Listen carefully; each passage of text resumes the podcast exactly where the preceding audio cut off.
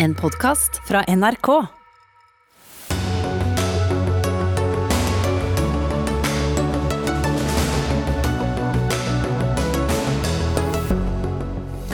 Vaksineringen av alle mellom 18 og 54 år forsinkes med mellom én og to uker. Men det er ingen krise, forsikrer FHI. Men den planen forutsetter at AstraZeneca-vaksinen tas i bruk igjen. Og mens eh, norske medier hadde over 2000 oppslag i mars om de alvorlige bivirkningene av AstraZeneca-vaksinen, var britiske medier fulle av hoderysting og oppgitthet over land som satte liv og helse på spill ved å la være å bruke den. Hvorfor? Frp-veteran på Stortinget trekker seg fra alt ansvar om rusreformen i protest mot Sylvi Listhaugs håndtering av saken. Og KrF liker ikke vedtaket på landsmøtet til Miljøpartiet De Grønne, der partiet vil gjøre det mulig for barn å ha flere enn to juridiske foreldre. Beklager et anfall av litt mange vignetter på en gang der. Det var det jeg som satte i gang. Men velkommen til Dagsnytt 18 denne tirsdagen med Espen Aas, der vi også skal diskutere tilbudet om legemiddelassistert rehabilitering til rusmisbrukere og det vi vel må kalle et sikkert vårtegn, et politisk ungdomsparti som gjerne vil tillate pils i parken. Men så til, aller først til eh, dagens nyhet om at Folkehelseinstituttet i dag eh, kom med et nytt vaksinescenario for Norge, som det heter. I praksis betyr det at de mellom 18 og 54 år får sin vaksinedose én til to uker senere enn i det forrige scenario. For mange flyttes da vaksinen fra slutten av eh, juni og til begynnelsen eller midten av juli. Geir Bokholm, eh, direktør i vaksineprogrammet til Folkehelseinstituttet. Hvorfor kommer denne forsinkelsen? Ja, nå opererer jo vi med forskjellige typer av scenarioer. Vi har hatt et optimistisk scenario og vi har hatt et ganske nøkternt scenario. Eh, det vi presenterer i dag er helt identisk med det nøkterne scenarioet, så i forhold til det så er det ingen forsinkelser i det hele tatt. Og så har vi eh, tatt inn over oss at noen av de eh, leveransene som vi ikke hadde full kontroll på, de blir litt forskjøvet. Det er spesielt da leveransen fra Jansen som leverer etter avtalen, men hvor fordelingen av vaksinene på de tre månedene april, mai og juni blir litt senere. altså blir forskjøvet mot juni måned. Mm. Men det har slått sammen to, to scenarioer, et, et nøytralt og et optimistisk eh, scenario da. Men det forutsetter at AstraZeneca-vaksinen tas i bruk igjen? Det forutsetter at AstraZeneca-vaksinen tas i bruk igjen. Mm. Eh, men det vet vi jo ikke. Det vet vi ikke, og det er jo en del eh, diskusjon rundt det akkurat nå. Vi vurderer det frem til 15. Eh, april. Dette vurderes også i Den europeiske legemiddelverket, og det kommer jo stadig vekk nye meldinger om alvorlige hendelser knyttet til den vaksinen. Så hvis vi ikke kan ta i bruk disse AstraZeneca-vaksinene som, som står på vent, hva skjer da? Ja, Da skjer det en, en liten forskyvning i, i, planene, eh, men ikke dramatisk. Eh, totalt sett ca. én til to ukers forsinkelser. Mm. Grunnen til det er jo at vi får ganske mange vaksiner i løpet av sommeren. og Det gjør at uh, effekten av å ta bort AstraZeneca-vaksinen ikke blir så dramatisk. Mm. Men vi blir da sittende igjen med en masse doser som da i hvert fall ikke brukes her? Det gjør vi. Mm. Steinar Madsen, eh, medisinsk fagdirektør ved Statens legemiddelverk. Du er med oss på eh, linje. Tysklands vaksinekomité planlegger en anbefaling om å kun gi denne AstraZeneca-vaksinen til personer over 60 år. Eh, har du noen oppdaterte opplysninger om hvordan vi står med våre vurderinger? Nei, Det er jo Folkehelseinstituttet som skal gjøre de vurderingene, men det som nå er viktig er at vi får alle fakta på bordet. Det skal være et møte i bivirkningskomiteen under EMA, altså det europeiske legemiddelkontoret, i morgen. og Der håper vi da at vi får samlet alle data. for det er jo det, Hvis man nå skal ta i bruk denne vaksinen, så må man vite mest mulig. Og for så vet vi nå eh, så langt at ingen av dem som har fått disse alvorlige bivirkningene, har vært over 65 år. Slik at, at å sette en grense ved 65 år det er det et visst grunnlag for, men vi trenger mer data. og Vitenskapsfolkene må få lov til å diskutere dette og komme med sine råd. Mm. Eh, rent formelt så, så, er det vel dere da i, i Statens legemiddelverk som i utgangspunktet har godkjent den. Hva slags formaliteter må i så fall til dersom noe skal endres? Ja, Her må vi skille mellom to ting, nemlig godkjenning, som er felles europeisk. Denne vaksinen er fullt godkjent i alle europeiske land. Men bruken i det enkelte land det styres av, gjerne av andre fagmyndigheter enn legemiddelmyndighetene. Så i Norge er det slik at Legemiddelverket godkjenner da på vegne av Europa vaksinen. Folkehelseinstituttet bestemmer hvordan den skal brukes. Men vi har selvfølgelig masse samtaler, utveksler erfaring og vi ser på bivirkninger. Så det er, det er jo, Dette diskuteres jo hele tiden. Mm. Men så kommer det forskjellige signaler fra, fra forskjellige land. Eh, Bøkholm, eh, det virker kanskje ikke som det er så felles europeisk lenger? Jeg tror jo dette i stor grad eh, kommer også av at det er veldig stor forskjell på de ulike landene i hvilken grad de har registre som gir tidsriktige signaler. Og Vi ser jo de landene som har gode vaksinasjonsregistre, de oppdager sånne signaler som dette ganske tidlig. Og, Det er typisk Danmark og Norge som har et veldig godt vaksinasjonsregister. Begge landene. Vi, vi, vi, var ganske tidlig ute med å oppdage dette. Så tror vi nok at de ulike litt større landene etter hvert også får denne type meldinger. Det er det vi ser bl.a. fra Tyskland nå med disse 31 tilfellene. Og det kan jo hende at det etter hvert kommer flere. Mm. Eh, og det er ingen tvil om at uh, lysten til å ta den AstraZeneca-vaksinen i store deler av folket blir jo mindre jo lenger tid dette tar. Men hvis den skal godkjennes for videre bruk, da er det aktuelt å vurdere den for en eldre folkegruppe. Kan det også være aktuelt å, å, å spørre da, pasienter om, om, de har underliggende forhold som kan bli påvirket av vaksinen?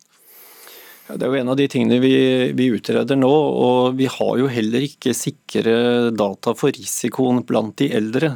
og Grunnen til at vi ikke har det, er at f.eks. i Norge og i de fleste europeiske land så har den ikke vært brukt til de over 65 år. Så selv om de hendelsene som nå er registrert er hos pasienter eller personer under 65 år, så er vi ikke sikre på eh, hvordan eh, disse hendelsene, eh, hvor hyppige de er hos de, hos de eldre. Mm. Men, men, går det an, jeg vet ikke om det er du eller Madsen som er best til å snakke, eller svare på det spørsmålet, men kan man si noe om fellestrekk ved de tilfellene som da meldes inn nå, bl.a. fra Tyskland? Ja. ja. Da svarte dere i kor. Ja, Madsen, du er ikke med i studio.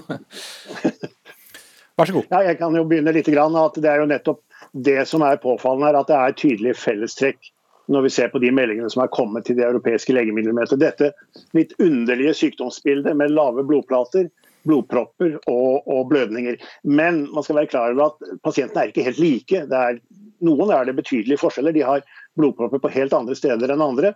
slik at det er et veldig eh, omfattende sykdomsbilde og et veldig uvanlig sykdomsbilde. Men at det er, en, at det er fellestrekk, er det ingen tvil om. Mm. Ja, og så tror jeg Det er viktig å legge til at uh, vi ser jo av og til at uh, det dannes eh, blodpropper i forbindelse med vaksiner, uten at det nødvendigvis har noe med selve vaksinen å gjøre. Og, Det kan vi se et ganske stort antall personer som har fått ulike typer av vaksiner. Det som skiller disse veldig veldig sjeldne tilfellene ut, er jo akkurat denne triaden med både blødning, blodplater, nei, blodpropper og, og disse lave antallet med blodplater. Og så ser vi også at det dannes spesielle antistoffer mot eh, komponenter fra disse blodplatene. og Det er lett å kunne identifisere akkurat dette sykdomsbildet ut fra dette. Det er eh, stor etterspørsel etter eh, vaksiner i verden. Kan det være aktuelt for Norge å selge vårt lager av AstraZeneca? Ja, Det er jo sånne ting vi må komme tilbake til. og Det er nok viktig for Norge også å ha et ganske robust eh, vaksinelager. Vi vet ikke hvordan denne epidemien eh, utvikler seg, så vi, vi tenker at det må vi ta stilling til etter hvert. Mm. Eh, Madsen, de som har fått jeg har stilt dette spørsmålet før, men jeg stiller det igjen. De som har fått én eh, dose av AstraZeneca-vaksinen, hva, hva er nå beskjeden til dem? Vent og se? Ja, det er at Nå ser det ut som faren er over. Vi har jo ikke hatt noen nye tilfeller av disse alvorlige bivirkningene nå den eh, siste uken. Eh, og De som vi hadde, de kom jo for flere uker siden. slik at vi tror faren er mer eller mindre over, og at folk ikke behøver å være bekymret. Mm. Men skal de da få en dose to? Det er det store spørsmålet som vi må finne svaret på. og Det må jo bl.a. Folkehelseinstituttet vurdere hva man skal gjøre med dem som har fått én dose allerede. Mm. Men der er det kanskje ikke konkludert, Bukkholm? Vi har ikke konkludert, nei, men, men, dette er en av de tingene som vi utreder nøye. Og, og, det er klart at Vi vet jo at de som har fått dose én, de har ganske god beskyttelse av den dosen. Dose to planlegges ni til tolv uker senere, slik at vi har litt tid på oss til å konkludere rundt dette. Og så vet vi at det pågår flere forsøk i Europa hvor man kombinerer typer av vaksiner. Og det kan selvfølgelig være, kan være aktuelt å gi en dose to av en annen vaksine, eventuelt som en, som en mer som en boosterdose, kanskje enda litt senere enn uke tolv. Mm. Og så til slutt til det rent praktiske. Det har jo vært et og annet oppslag om eh, folk som er innkalt til å ta vaksine, og som reiser på påskeferie. Hvis nå det er mange i da denne store gruppen mellom 18 og 54 som skal få sin vaksine, som de helt sikkert vil ha, et sted i juli så er det også en tid hvor det er bestilt ferie. Eh, hva er meldingen til eh, folk som eh, forventes da å skulle få sin dose, eller doser, i sommerferien? Nei, Meldingen fra oss er å ta, ta imot den, eh, den, vaksinetimen man blir tildelt. Eh, det, det, er viktig for at vi får avsluttet dette programmet på en, eh, på en, mest mulig effektiv måte. Og Nå kommer det jo også etter hvert veldig gode data i forhold til disse vaksinenes evne til å hindre smittespredning. og Da er det enda viktigere at vi får en god beskyttelse i befolkningen. Og Spesielt med tanke på muligheten for å lette på en del av de smitteverntiltakene vi har levd under, under lang tid nå. Mm. Men fortsatt litt uh, usikkert når vi er uh, helt uh, i mål, bl.a. da usikkerheten om hvorvidt AstraZeneca blir en del av, av dette scenarioet. Takk til Geir Bukholm, direktør for koronavaksinasjonsprogrammet i Folkehelseinstituttet, og Steinar Madsen fra Statens legemiddelverk.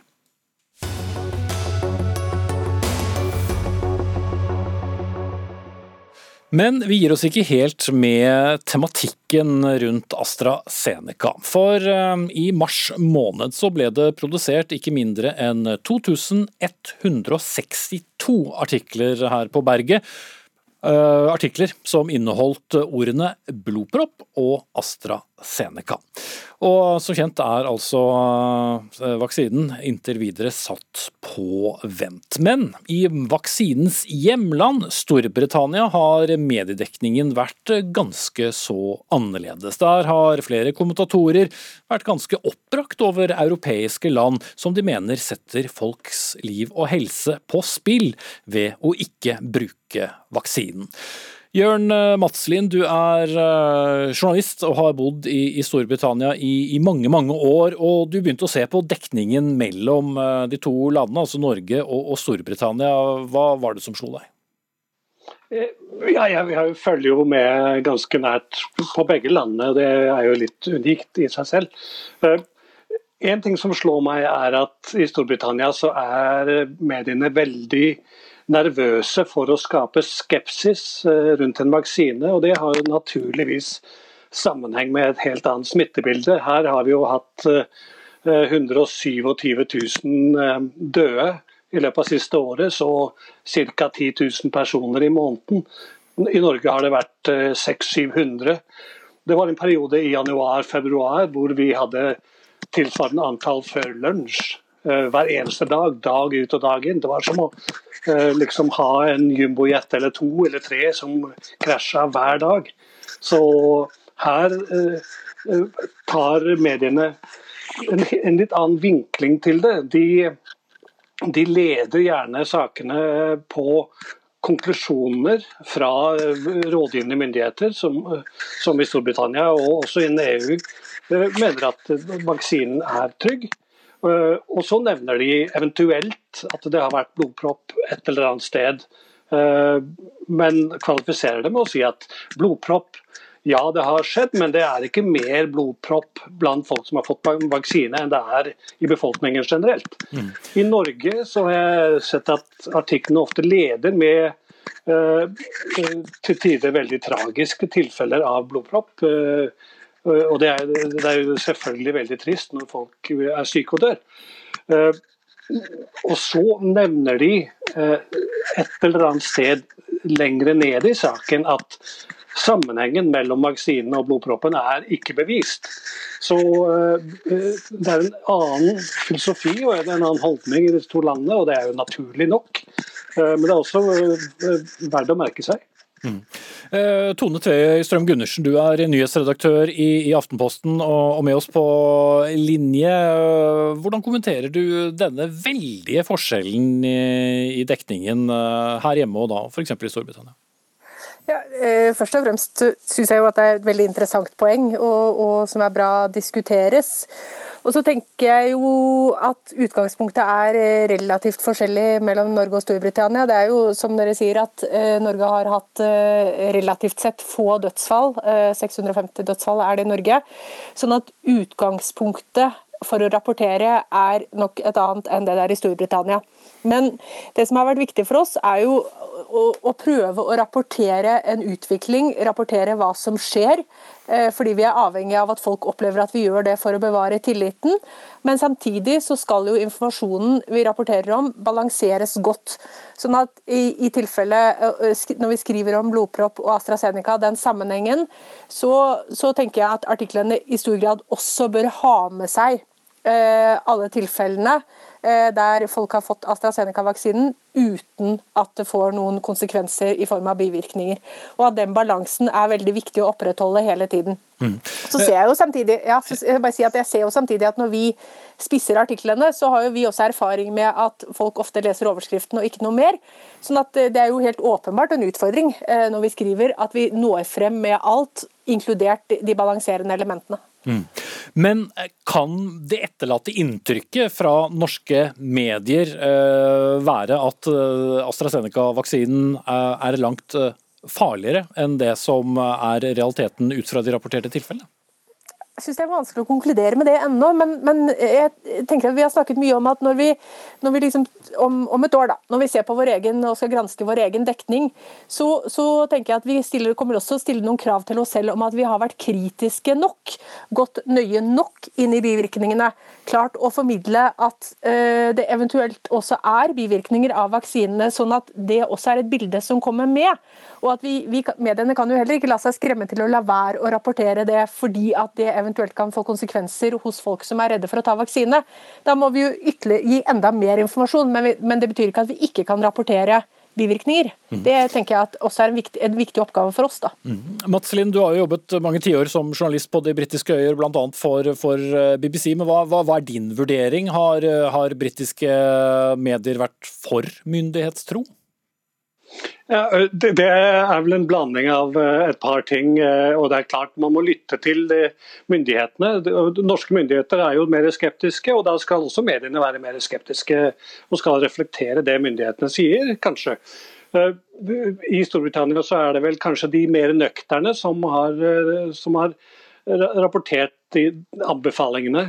Og så har de de mer nasjonalistiske pro-brexit-mediene, som i og for seg har eh, ansett Storbritannias eh, store suksess innen eh, vaksineringsprogrammet som, som et slags tegn på at brexit er en suksess, og at de som er skeptiske i Europa ellers, er på et eller annet vis litt hysteriske. Så det, så det, det, det, det, er jo ikke bare det medisinske som dekkes her heller, det er andre holdninger som også kommer med. Mm.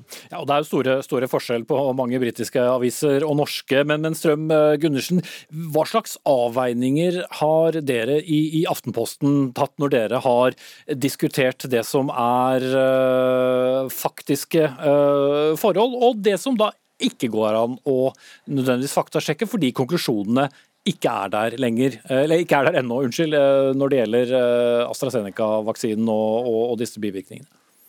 Ja, Da vil, handler det jo i stor grad om å, å, forsøke å være nøye i tekstene vi publiserer, for, med å ta forbehold.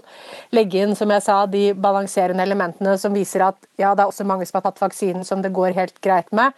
Være nøye med å understreke at det ikke er, eh, ikke er nødvendigvis en sammenheng, men at det undersøkes.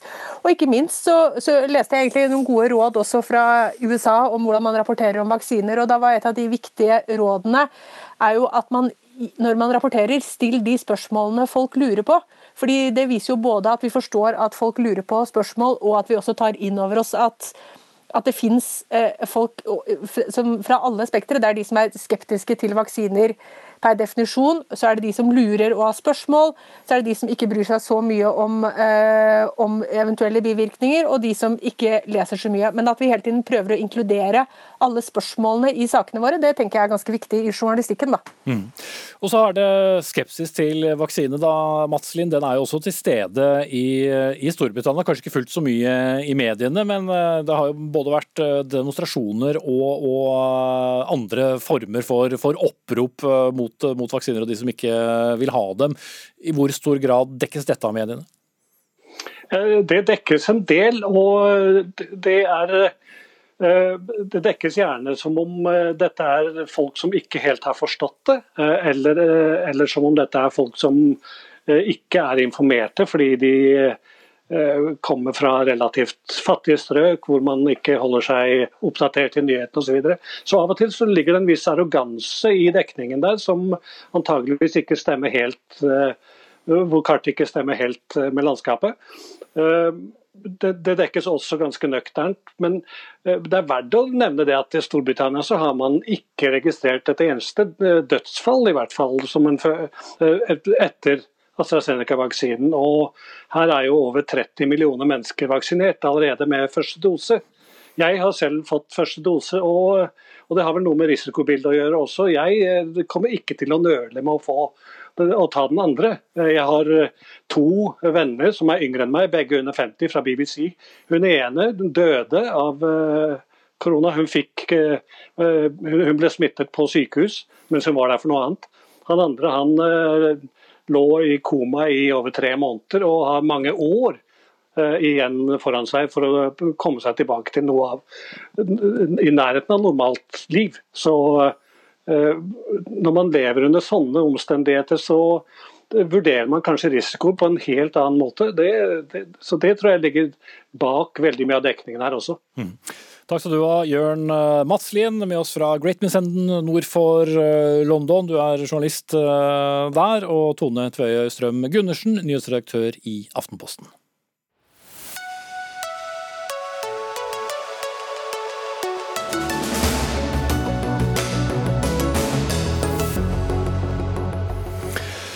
Så til nyheten om en bitter strid internt i Fremskrittspartiet som sprakk i dag. For partiveteran Kari Kjønaas Kjos, som har sittet nesten 16 år på Stortinget for Frp, og i mange år vært partiets ruspolitiske talsperson, har nå trukket seg fra alt ansvar for rusreformen. Det skriver VG i dag. Årsaken er en konflikt med Sylvi Listhaug i forbindelse med partiets behandling av regjeringens forslag til rusreform, der Listhaug har vendt tommelen ned for forslaget før det skulle til behandling i helsekomiteen, der Kjos sitter.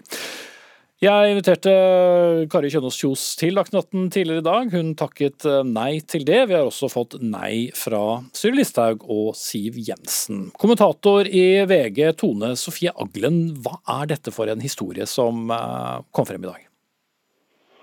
Ja, Det handler jo om at tre dager før stortingsgruppa i Frp skulle behandle denne etter hvert store saken, så valgte landsstyret i Frp å å, behandle den og vende tommelen ned for denne eh, rusreformen. Og det reagerer eh, naturlig nok ruspolitisk talsperson Kari Kjønaas Kjos veldig kraftig på, og opplever det her som en mistillit mot henne, og har altså nå valgt å trekke seg. Og, og Selv om det nok er et uh, ganske betydelig flertall i Frp for uh, Sylvi Listhaug sin linje i saken, så reagerer flere både på behandlinga av eh, Kjønaas Kjos, og er litt sånn spørrende til hva slags lederstil og prosess er det egentlig Sylvi Listhaug legger opp til. og Enkelte kaller det her også et uh, maktgrep. Mm, så stemningen eh, innad i, i stortingsgruppa er ikke bare god? Nei, og mange er jo veldig spent på hva slags partileder Sylvi Listhaug vil bli. Og det er jo ikke noe tvil om at uh, enkelte har jo vært skeptiske skeptisk til henne, uh, hennes lederstil. Hun har jo ikke nødvendigvis framstått som den mest lyttende og, og dialogorienterte. Og det at den personen i partiet som har jobba med ruspolitikk og har veldig høy troverdighet på det mange, og har jobba med det i så mange år, ikke blir hørt, ser jo noen som veldig, sånn, en veldig dårlig start. og Eh, for Sylvi Listhaug eh, som leder. Samtidig så mener jo andre at eh, det her var partiets mulighet til å til å um, uttale seg i saken. At det er de som bestemmer, ikke stortingsgruppa. Og at eh, kanskje Kjønaas Kjos har vært eh, i overkant opptatt av brukerperspektivet i denne saken. Mm. Og selv om eh, Kjønaas Kjos ikke ønsket å utdype noe ytterligere her i studio i dag, Tone så ga hun jo flere kommentarer til VG, som jo vitner om et ganske iskaldt forhold mellom henne og det som etter alle solemerker blir partiets nye leder. Ja, Hun legger jo ikke noe veldig mye mellom om uh, uh, Sylvi Listhaug sier sjøl at hun ikke vil snakke med henne, opplever ikke at uh, hun nådde fram, er vel litt i ordene hun bruker, men så samtidig skryter av Siv Jensen og, og relasjonen uh, til henne. Samtidig så er rusreformen er en sak som splitter ikke bare regjeringa, men den splitter jo mange partier. og Det kanskje litt sånn spesielle med den saken er at eh, litt sånn uavhengig av hvor man står i, i saken, så har man ofte veldig sånn sterkt eh, følelsesmessig engasjement. og det, det, kommer litt til uttrykk her, men vi ser også at litt av der eh, synet på Sylvi Listhaug som ny leder er nok litt det som bobler under og gjør denne saken liksom, kanskje ekstra pikant i Frp nå. Mm. Og, og Kjos er jo heller ikke alene. Hun får støtte fra, fra andre som også støtter henne åpent. Ja, og mange støtter henne. og jeg tror sånn Uavhengig av om man er enig med henne i sak eller ikke. for jeg tror nok at det, det store flertallet i Fremskrittspartiet er nok mer på Sylvi Listhaug sin linje politisk. Men eh, Kari Kjønaas Kjos er en politiker som nyter veldig stor respekt i Frp. Hun har sittet på Stortinget i 16 år, har et veldig sterkt personlig engasjement for ruspolitikk. Derfor reagerer man litt på behandlinga av henne. Eh, og så er det liksom en, sånn, en annen konfliktlinje i Frp, hvor du særlig FPU og en del av de unge liberale er jo veldig sterke tilhengere av rusreformen. Hadde ønska at eh, Frp skulle være på den mer liberale linja. Der er nok heller ikke Kjønaas Kjos, men, men de er liksom bekymra for at man nå går bort fra den linja Eh, hvor man vil forhandle. og Her kaster man liksom vekk den muligheten og sier rett og slett nei til hele reformen, istedenfor å benytte den muligheten Frp har til å faktisk påvirke deler av reformen. Mm. Du som følger eh, partiet Tone Sofie Aglen, er dette et eh, ja, første smakebit av et litt annet Frp når det gjelder forholdet ledelse og, og stortingsgruppe? Det er i hvert fall det veldig mange er eh, spent på. og det var jo et sånt uh, om hva som ville komme når Sylvi Listhaug gikk ut og sa at tiden for å forhandle med regjeringa er forbi. At man ønsker mye mer å liksom blankpolere sin profil. Og, og, og, og, Det er også en annen lederstil der Siv Jensen har vært en veldig sånn respektert partileder, selv om mange har vært uh, uenig med henne, så har hun vært eh, bredt respektert politisk. Men Sylvi Listhaug har en mye mer sånn uh, er mye mer sånn tydelig kommunikator, ikke så veldig lyttende. Men så mener andre i partiet at det er kanskje den linja man må Eh, kjøre mer på nå for å faktisk eh, få flere velgere til partiet, men at det nødvendigvis ikke er så veldig populært for det interne livet i partiet, og heller ikke for samarbeidet med andre partier. Mm, takk skal du ha, Tone Sofie Aglen, kommentator i VG.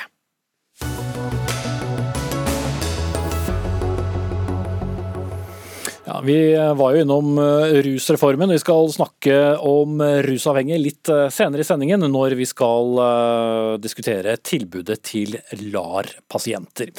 Men nå skal vi til etterdønningene fra et landsmøtevedtak hos Miljøpartiet De Grønne i helgen. Det er mange vedtak som er diskutert der, men ett skaper særlig reaksjoner hos regjeringspartiet Kristelig Folkeparti. For MDG konkluderte med at at barn skal kunne ha flere enn to juridiske foreldre. Og begrunnelsen er at den moderne familien den ser langt annerledes ut enn da lovverket vi forholder oss til ble laget. Og Jorunn Lossius, stortingsrepresentant for Kristelig Folkeparti og andre nestleder i familie- og kulturkomiteen. Konkret, hva gjør et slikt forslag urovekkende? Det er heldigvis sånn at det er mange personer som spiller en viktig rolle i barns liv, og mange er heldige og har mange gode omsorgspersoner rundt seg. Eh, samtidig så er det ikke sånn at alle de skal ha en foreldrerett eller en foreldreplikt inn i det barnets liv. Og MDGs forslag det er, det er et veldig dårlig forslag. Det er urovekkende fordi det bryter med helt fundamentale prinsipper, ikke minst i barneloven vår. Og det er så viktig for et barn at uansett samlivsbrudd, uansett bonusfamilie og hvem som måtte flytte inn og ut, så er du helt 100% trygg på hvem som er foreldrene dine, hvem som eh, skal følge deg gjennom oppveksten.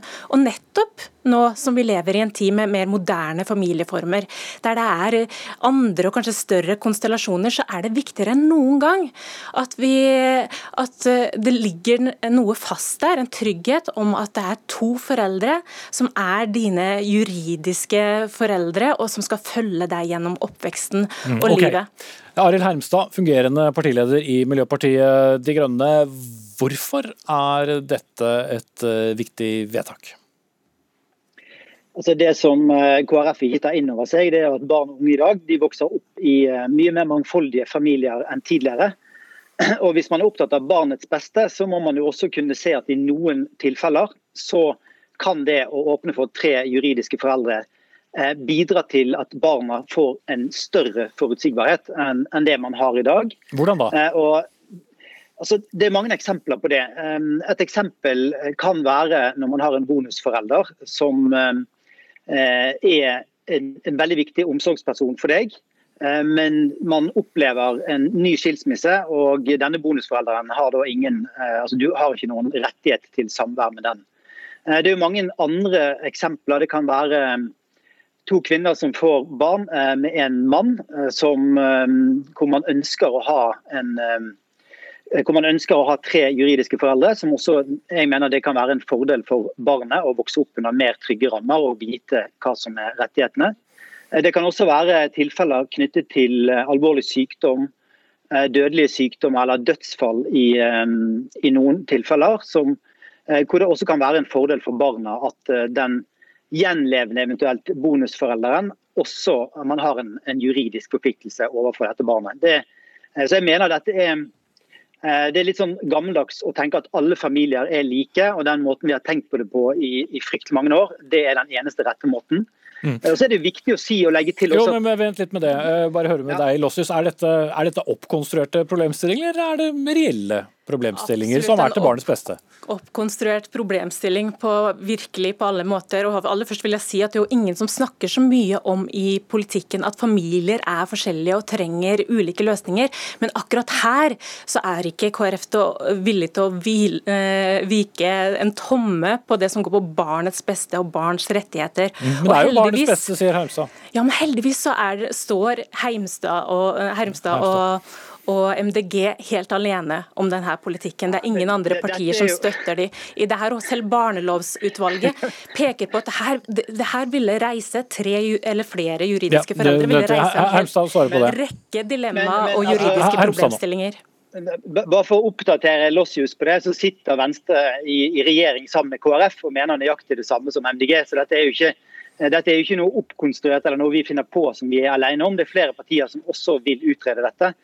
Eh, så her er det jo KrF som bare må, må prøve å, få et litt mer oppdatert syn på hva som er de reelle diskusjonene. Også, men det er langt et flertall med dere og Venstre, truffet, ja, men altså, jeg, har selv truffet mennesker som, som mener at uh, deres familieforhold uh, ville hatt godt av at man var tre juridiske foreldre. Så kan jeg mene at for min del så er ikke det aktuelt. Og sikkert ikke for det er fryktelig mange som syns dette virker rart.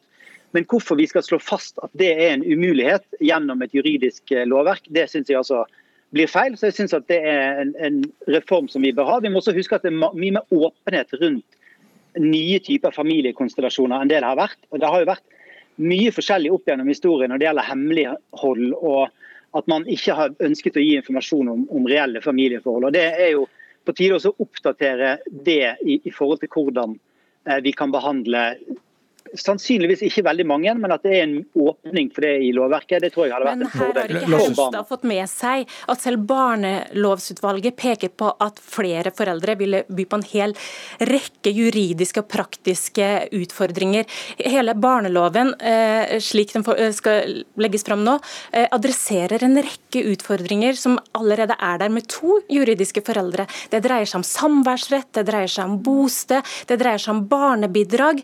Og så ønsker altså eh, MDG å komplisere det her ytterligere med å gi tre eller flere juridiske foreldre, sånn at barn kan komme i en situasjon ved samlivsbrudd der, der det er tre foreldre, og kanskje også tre bonusforeldre, som alle står der og vil ha sin, sine rettigheter i forhold til barnet, og man rett og slett kommer i en sånn kast, blir en kasteball mellom tre ulike bosteder. Det her byr bare på sårbarhet for barn, og de situasjonene som, som Hermstad trakk opp, eh, som går på helt spesielle sårbare tilfeller, de kan jo løses i dag ved stebarnsadopsjon. Men det er faktisk Ja, veldig men, få som eh, søker om stebarnsadopsjon, og nettopp det viser at det ikke er en veldig Hvor, relevant hvor, hvorfor er deres løsning bedre, Hermstad? Altså For det første så løser ikke stebarnsadopsjon alle de eh, ulike utfordringene som kan være i ulike forhold. Eh, Og så er det jo også viktig å si at Barnelovutvalget mente jo også at det er lurt å ha flere enn to omsorgspersoner, og at det bør være mulig å få til. Og det Eh, sa jo jeg helt innledningsvis, at altså, omsorgspersoner gangen. Eh, unnskyld. eh, de hadde ikke et mandat som gjorde at de ønsket å gå dypt inn i de problemstillingene. og Det er helt riktig som de sier.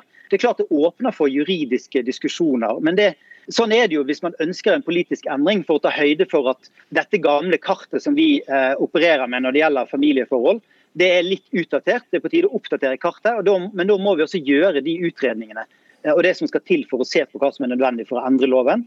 Og Dette mener jeg er en, en, et lovverk som eh, vi absolutt bør jobbe for å få innført, at det kan skape bedre og tryggere rammer for barns oppvekst i Norge. Det vil jo ikke være snakk om en endring eh, over natten dersom det skulle bli noe flertall for dette. da. Låstus, er, eh, er det noe galt med en eh, utredning som nettopp kanskje kan eh, kaste litt lys over de juridiske utfordringene som kan dukke opp hvis det skal være tre juridiske foreldre? Det ligger en utredning til grunn for dette, og den utredninga heter faktisk 'Til barnets beste'. Og MDGs forslag er jo på ingen måte til barnets beste. Det minner mer om politikk som dreier seg om å sette voksnes ønsker og behov foran barns rettigheter og barns beste. Og det her føyer seg jo bare inn i rekka av, av veldig uansvarlige forslag som kommer fra MDG nå, enten det går på å legalisere cannabis, utvide Vi trenger ikke alle forslagene nå. Vi, vi holder oss til dette. Hermstad. Du, du må gjerne vise til våre familievedtak på landsmøtet, men da kan jeg opplyse om at vi har ganske mye god familiepolitikk. F.eks. å gi far eller medmor eh, automatisk rett til to ukers permisjon i forbindelse Når med fødsel. Når en debattant begynner å snakke om andre forslag, og du også begynner å snakke om andre forslag, da konkluderer programleder med at eh, jeg tror vi har eh, snakket oss tom på, på begge sider, selv om dere var langt fra enige. Arild Hermstad, fungerende leder for eh, Miljøpartiet De Grønne, og Jorunn Lossius, stortingsrepresentant for KrF og familiepolitisk talsperson i samme parti.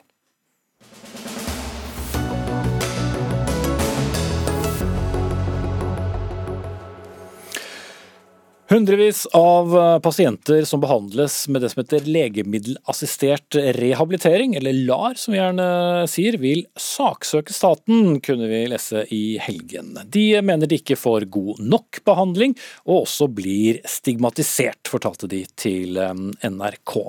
De mange tusen som er med i denne LAR-ordningen får da lovlige medisiner som erstatter tunge og ikke minst ulovlige narkotiske stoffer som f.eks. heroin. En behandlingsreform er det som skal til, kunne vi høre Arbeiderpartiet si i Dagsnytt eh, i morges, mens eh, Høyre mener selv de har gjort mye bra for denne pasientgruppen. Vi skal ta en politisk debatt eh, om litt, men først skal vi hente inn deg, Gabrielle Welle Strand. Du er lege og forsker ved SERAF, Senter for rus- og avhengighetsforskning ved Universitetet i Oslo, og har selv vært med på å revidere denne LAR-ordningen i Helsedirektoratet for inntil noen år siden. Hva er det største problemet, slik du ser det, med, med denne LAR-ordningen? For det første så vil jeg si at de aller fleste pasientene i LAR får et bedre liv når de går over fra heroin til å bruke først og fremst metadon eller Subutex. Men det er klart det er noen utfordringer, og det er bl.a. en stor utfordring at behandlingen til tross, til tross for at vi prøvde å gjøre den lik i hele landet, så er den nokså forskjellige.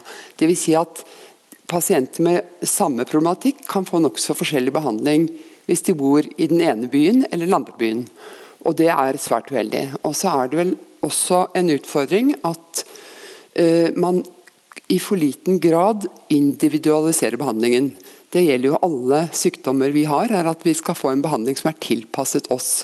Selv om det da finnes retningslinjer og anbefalinger for hvordan det skal være, så er det av og til forhold hos den enkelte, enkelte pasient som gjør at man må behandle den ene annerledes fra den andre.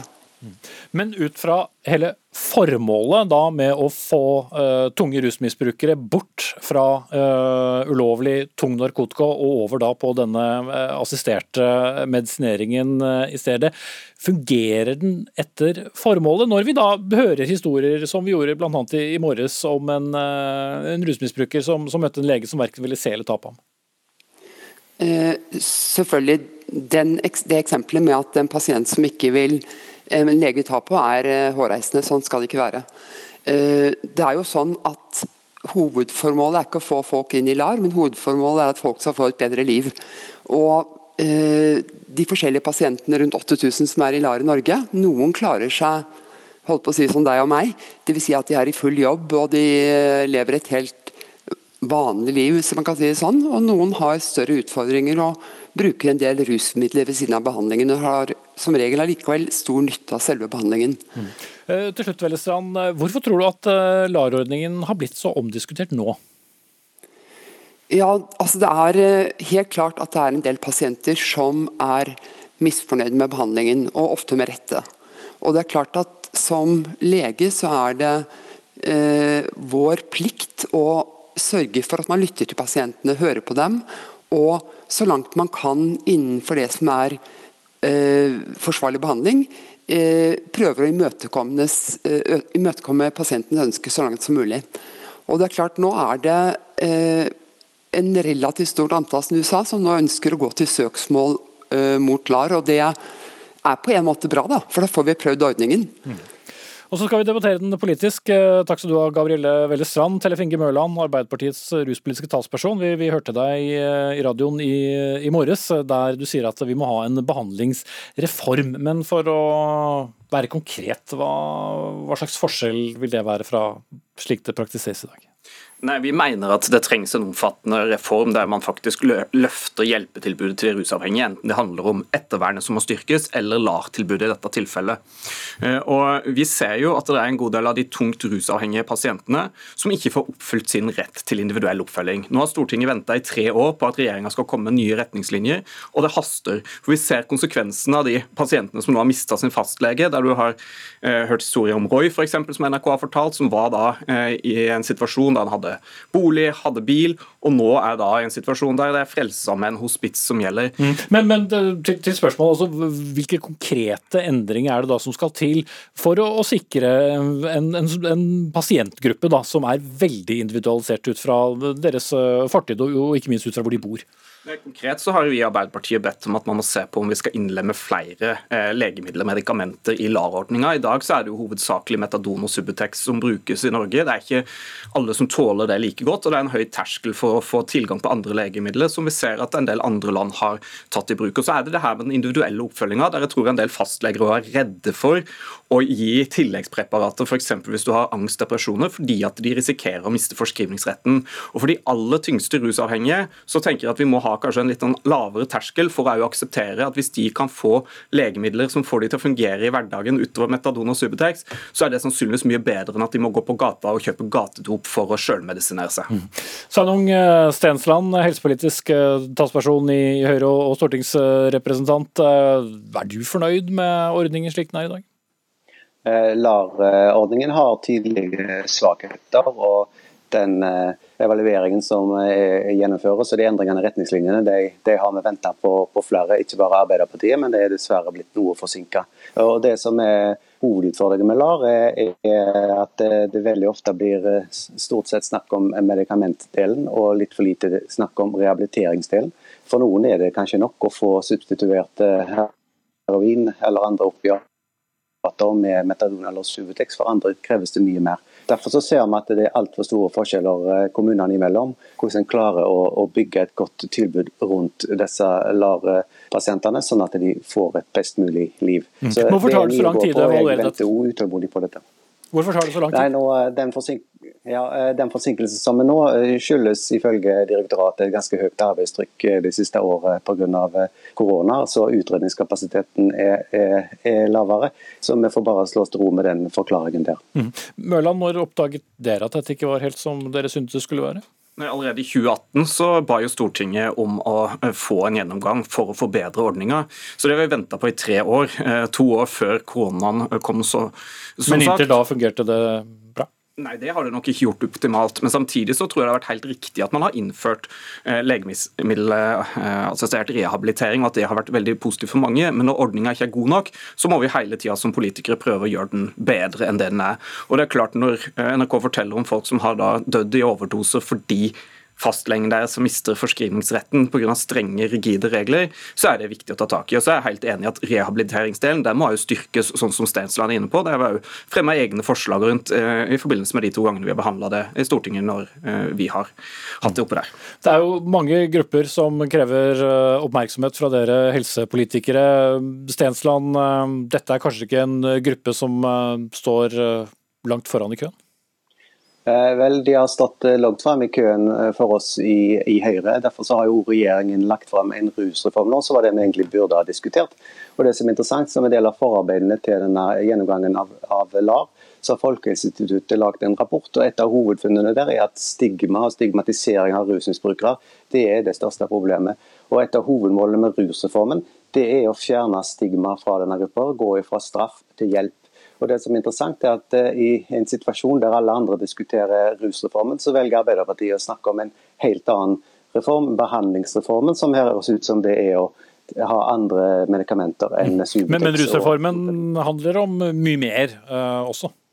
Absolutt, men det et av hoved, en av hovedgrunnene til det er å gi folk bedre hjelp, de som har en rusutfordring, og fjerne stigma fra denne gruppa, som blir uglesett av veldig mange i samfunnet. og Derfor så gjør det sterkt inntrykk når jeg hører historier som i dag, med leger som ikke engang vil ta i pasientene fordi de er rusmisbrukere. Det er en slags eh, berøringsangst, bokstavelig talt. Og vi ser at pasienter ikke får den behandlingen de skulle hatt. De har akkurat det samme eh, krav og eh, rettigheter som andre pasienter, og det er viktig for oss politikere å løfte det. Mm. Men foreløpig er vi da ikke der, Mørland. Nei, og jeg synes Det er rart at uh, Høyre og Stensland synes det er vanskelig å ha to tanker i hodet samtidig. Når alle snakker om en rusreform der du skal gå fra straff til hjelp, så må vi òg kunne snakke om hva den hjelpa skal inneholde, for den er ikke alltid god nok. Og Når Stensland snakker om stigma, så er det mange som i dag opplever stigma i LAR, nettopp fordi de ikke får den personlige oppfølginga som alle vi andre får når vi er pasienter, som ikke får smertelindring når de er uh, innlagt på sykehus for andre typer hendelser enn det som er rusrelatert.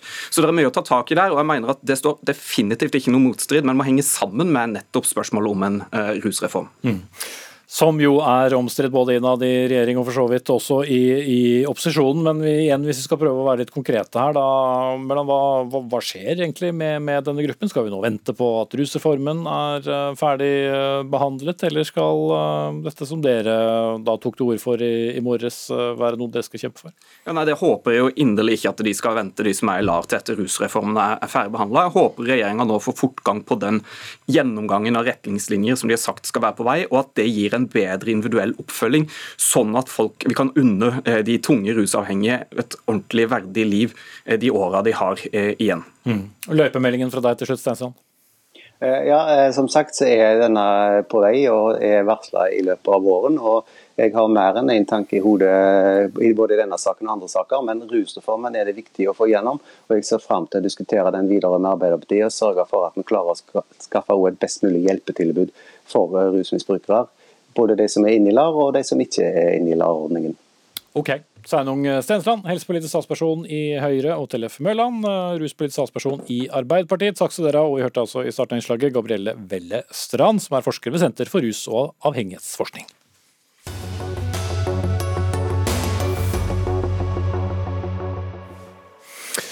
Så til det som uh, kanskje må kalles et sikkert uh, vårtegn, nemlig ønsket om å lovlig kunne drikke alkohol i parken. For uh, en dag så er jo pandemien over.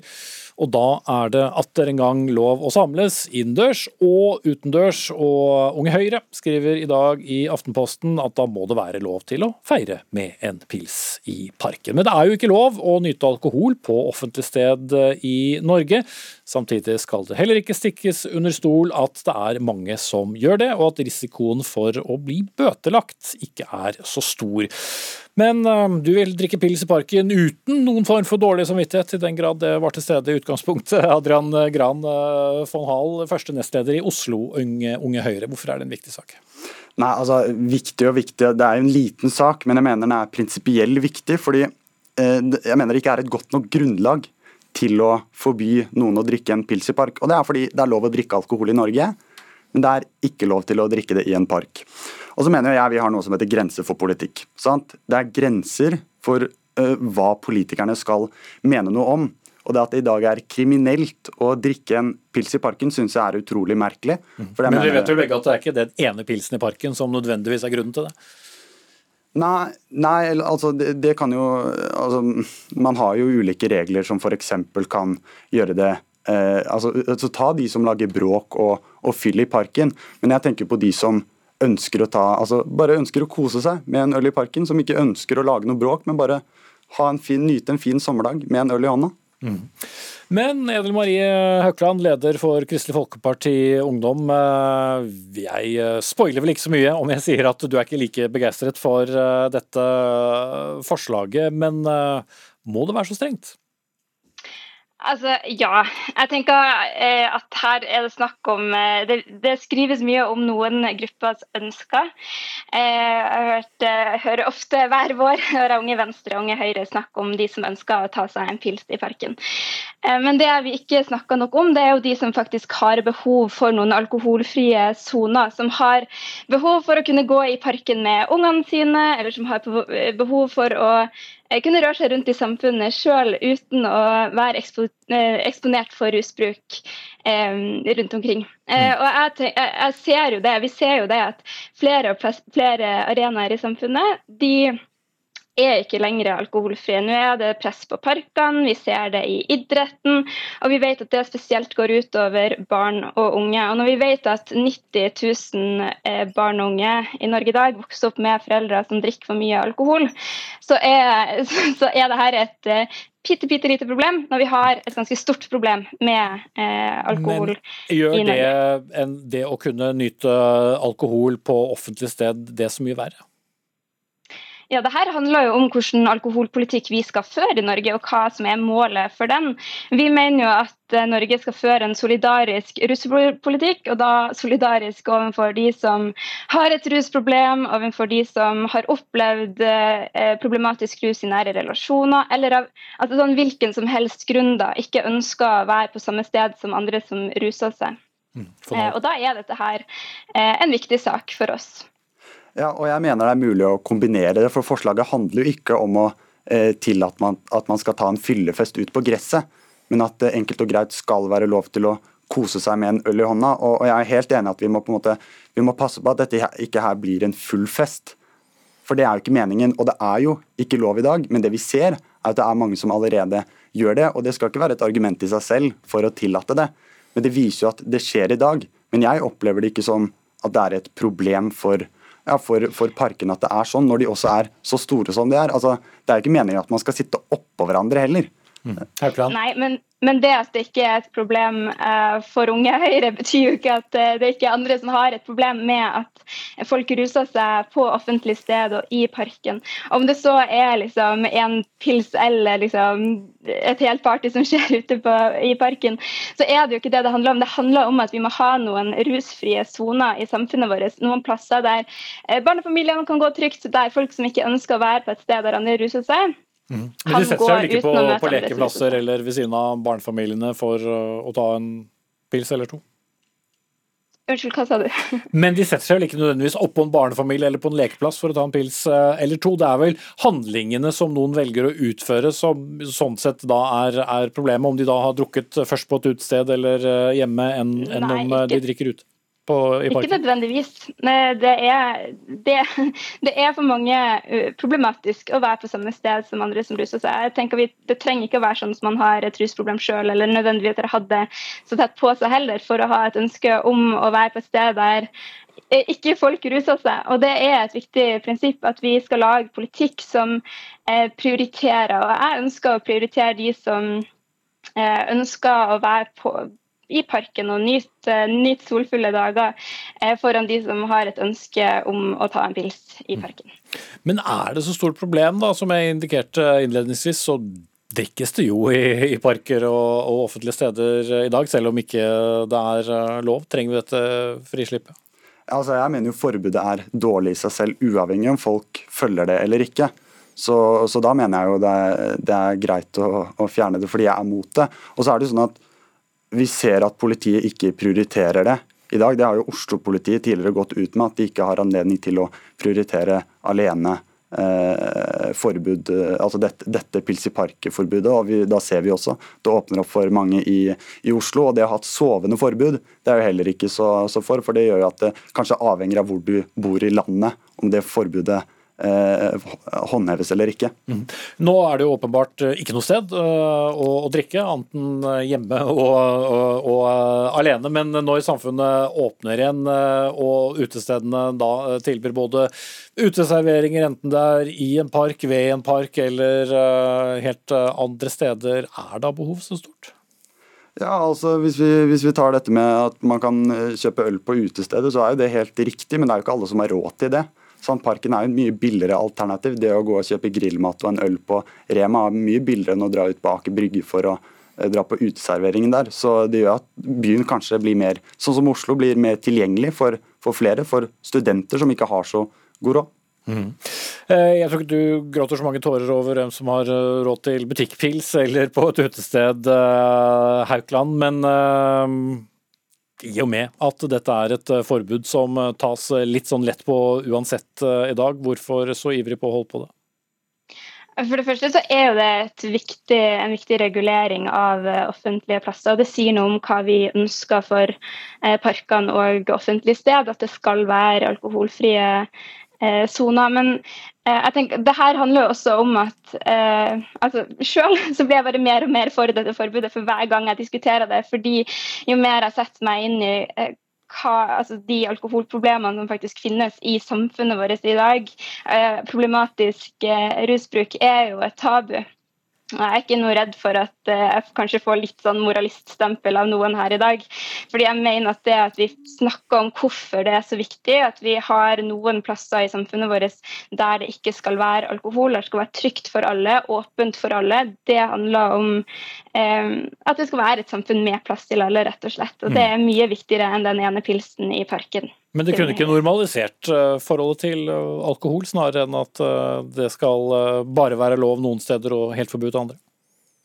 Det er flere grunner til at vi ikke skal ha pils i park, og heller har det f.eks. på utesteder. Det handler jo også om at det er folk til stede som kan kanskje råd, gi deg noen råd når du har tatt en pils for mye, eller som kan trå til hvis det skjer noe som ikke burde skje. Men jeg mener at det forbudet som vi har i dag, det er riktig og viktig, og vi burde heller sørge for at vi har flere alkoholfrie soner, ikke færre. Mm. det har du fått gjentatt opptil flere ganger nå. Nå skal jeg slippe til ja von Hall eh, til slutt. Det er en lang rekke av eh, ungdomspolitikere før deg som har eh, ønsket det samme. Det går vel sånn passe? Ja, altså det har ikke blitt altså Man har ikke valgt å gå bort fra det forbudet enda, men det, er jo det jeg, det jeg håper på. Men, men, det jeg bare vil si er at jeg tror denne debatten viser at det er et grunn, altså at Unge Høyre og KrFU har et grunnleggende uenig syn på alkohol. For jeg mener ikke at det er alkohol som er et problem, for det er jo lovlig å drikke i Norge òg. Og derfor er jeg også for at det skal være i parken, nettopp fordi eh, problemet ikke er selve alkoholen, men de som drikker seg overstadig beruset. Det er der problemet ligger, og det har vi andre lover som kan, som kan eh, ta, tas i dag. Mm. Og frem til neste gang vi tar denne debatten, så får folk heller irritere seg over engangsgrill. Takk til Edel Marie Haukland, leder av KrFU, og Adrian Gran von Hall, første nestleder i eh, Oslo Unge Høyre. Og det var faktisk ukens siste Dagsnytt 18. Det er fersk sending nå, kommer først tirsdag over påske. Ansvarlig for dagens sending Line Forsmo, teknisk ansvarlig Lisbeth Sellereite. Her i studio Espen Aas. Jeg drister meg til å si det, god påske.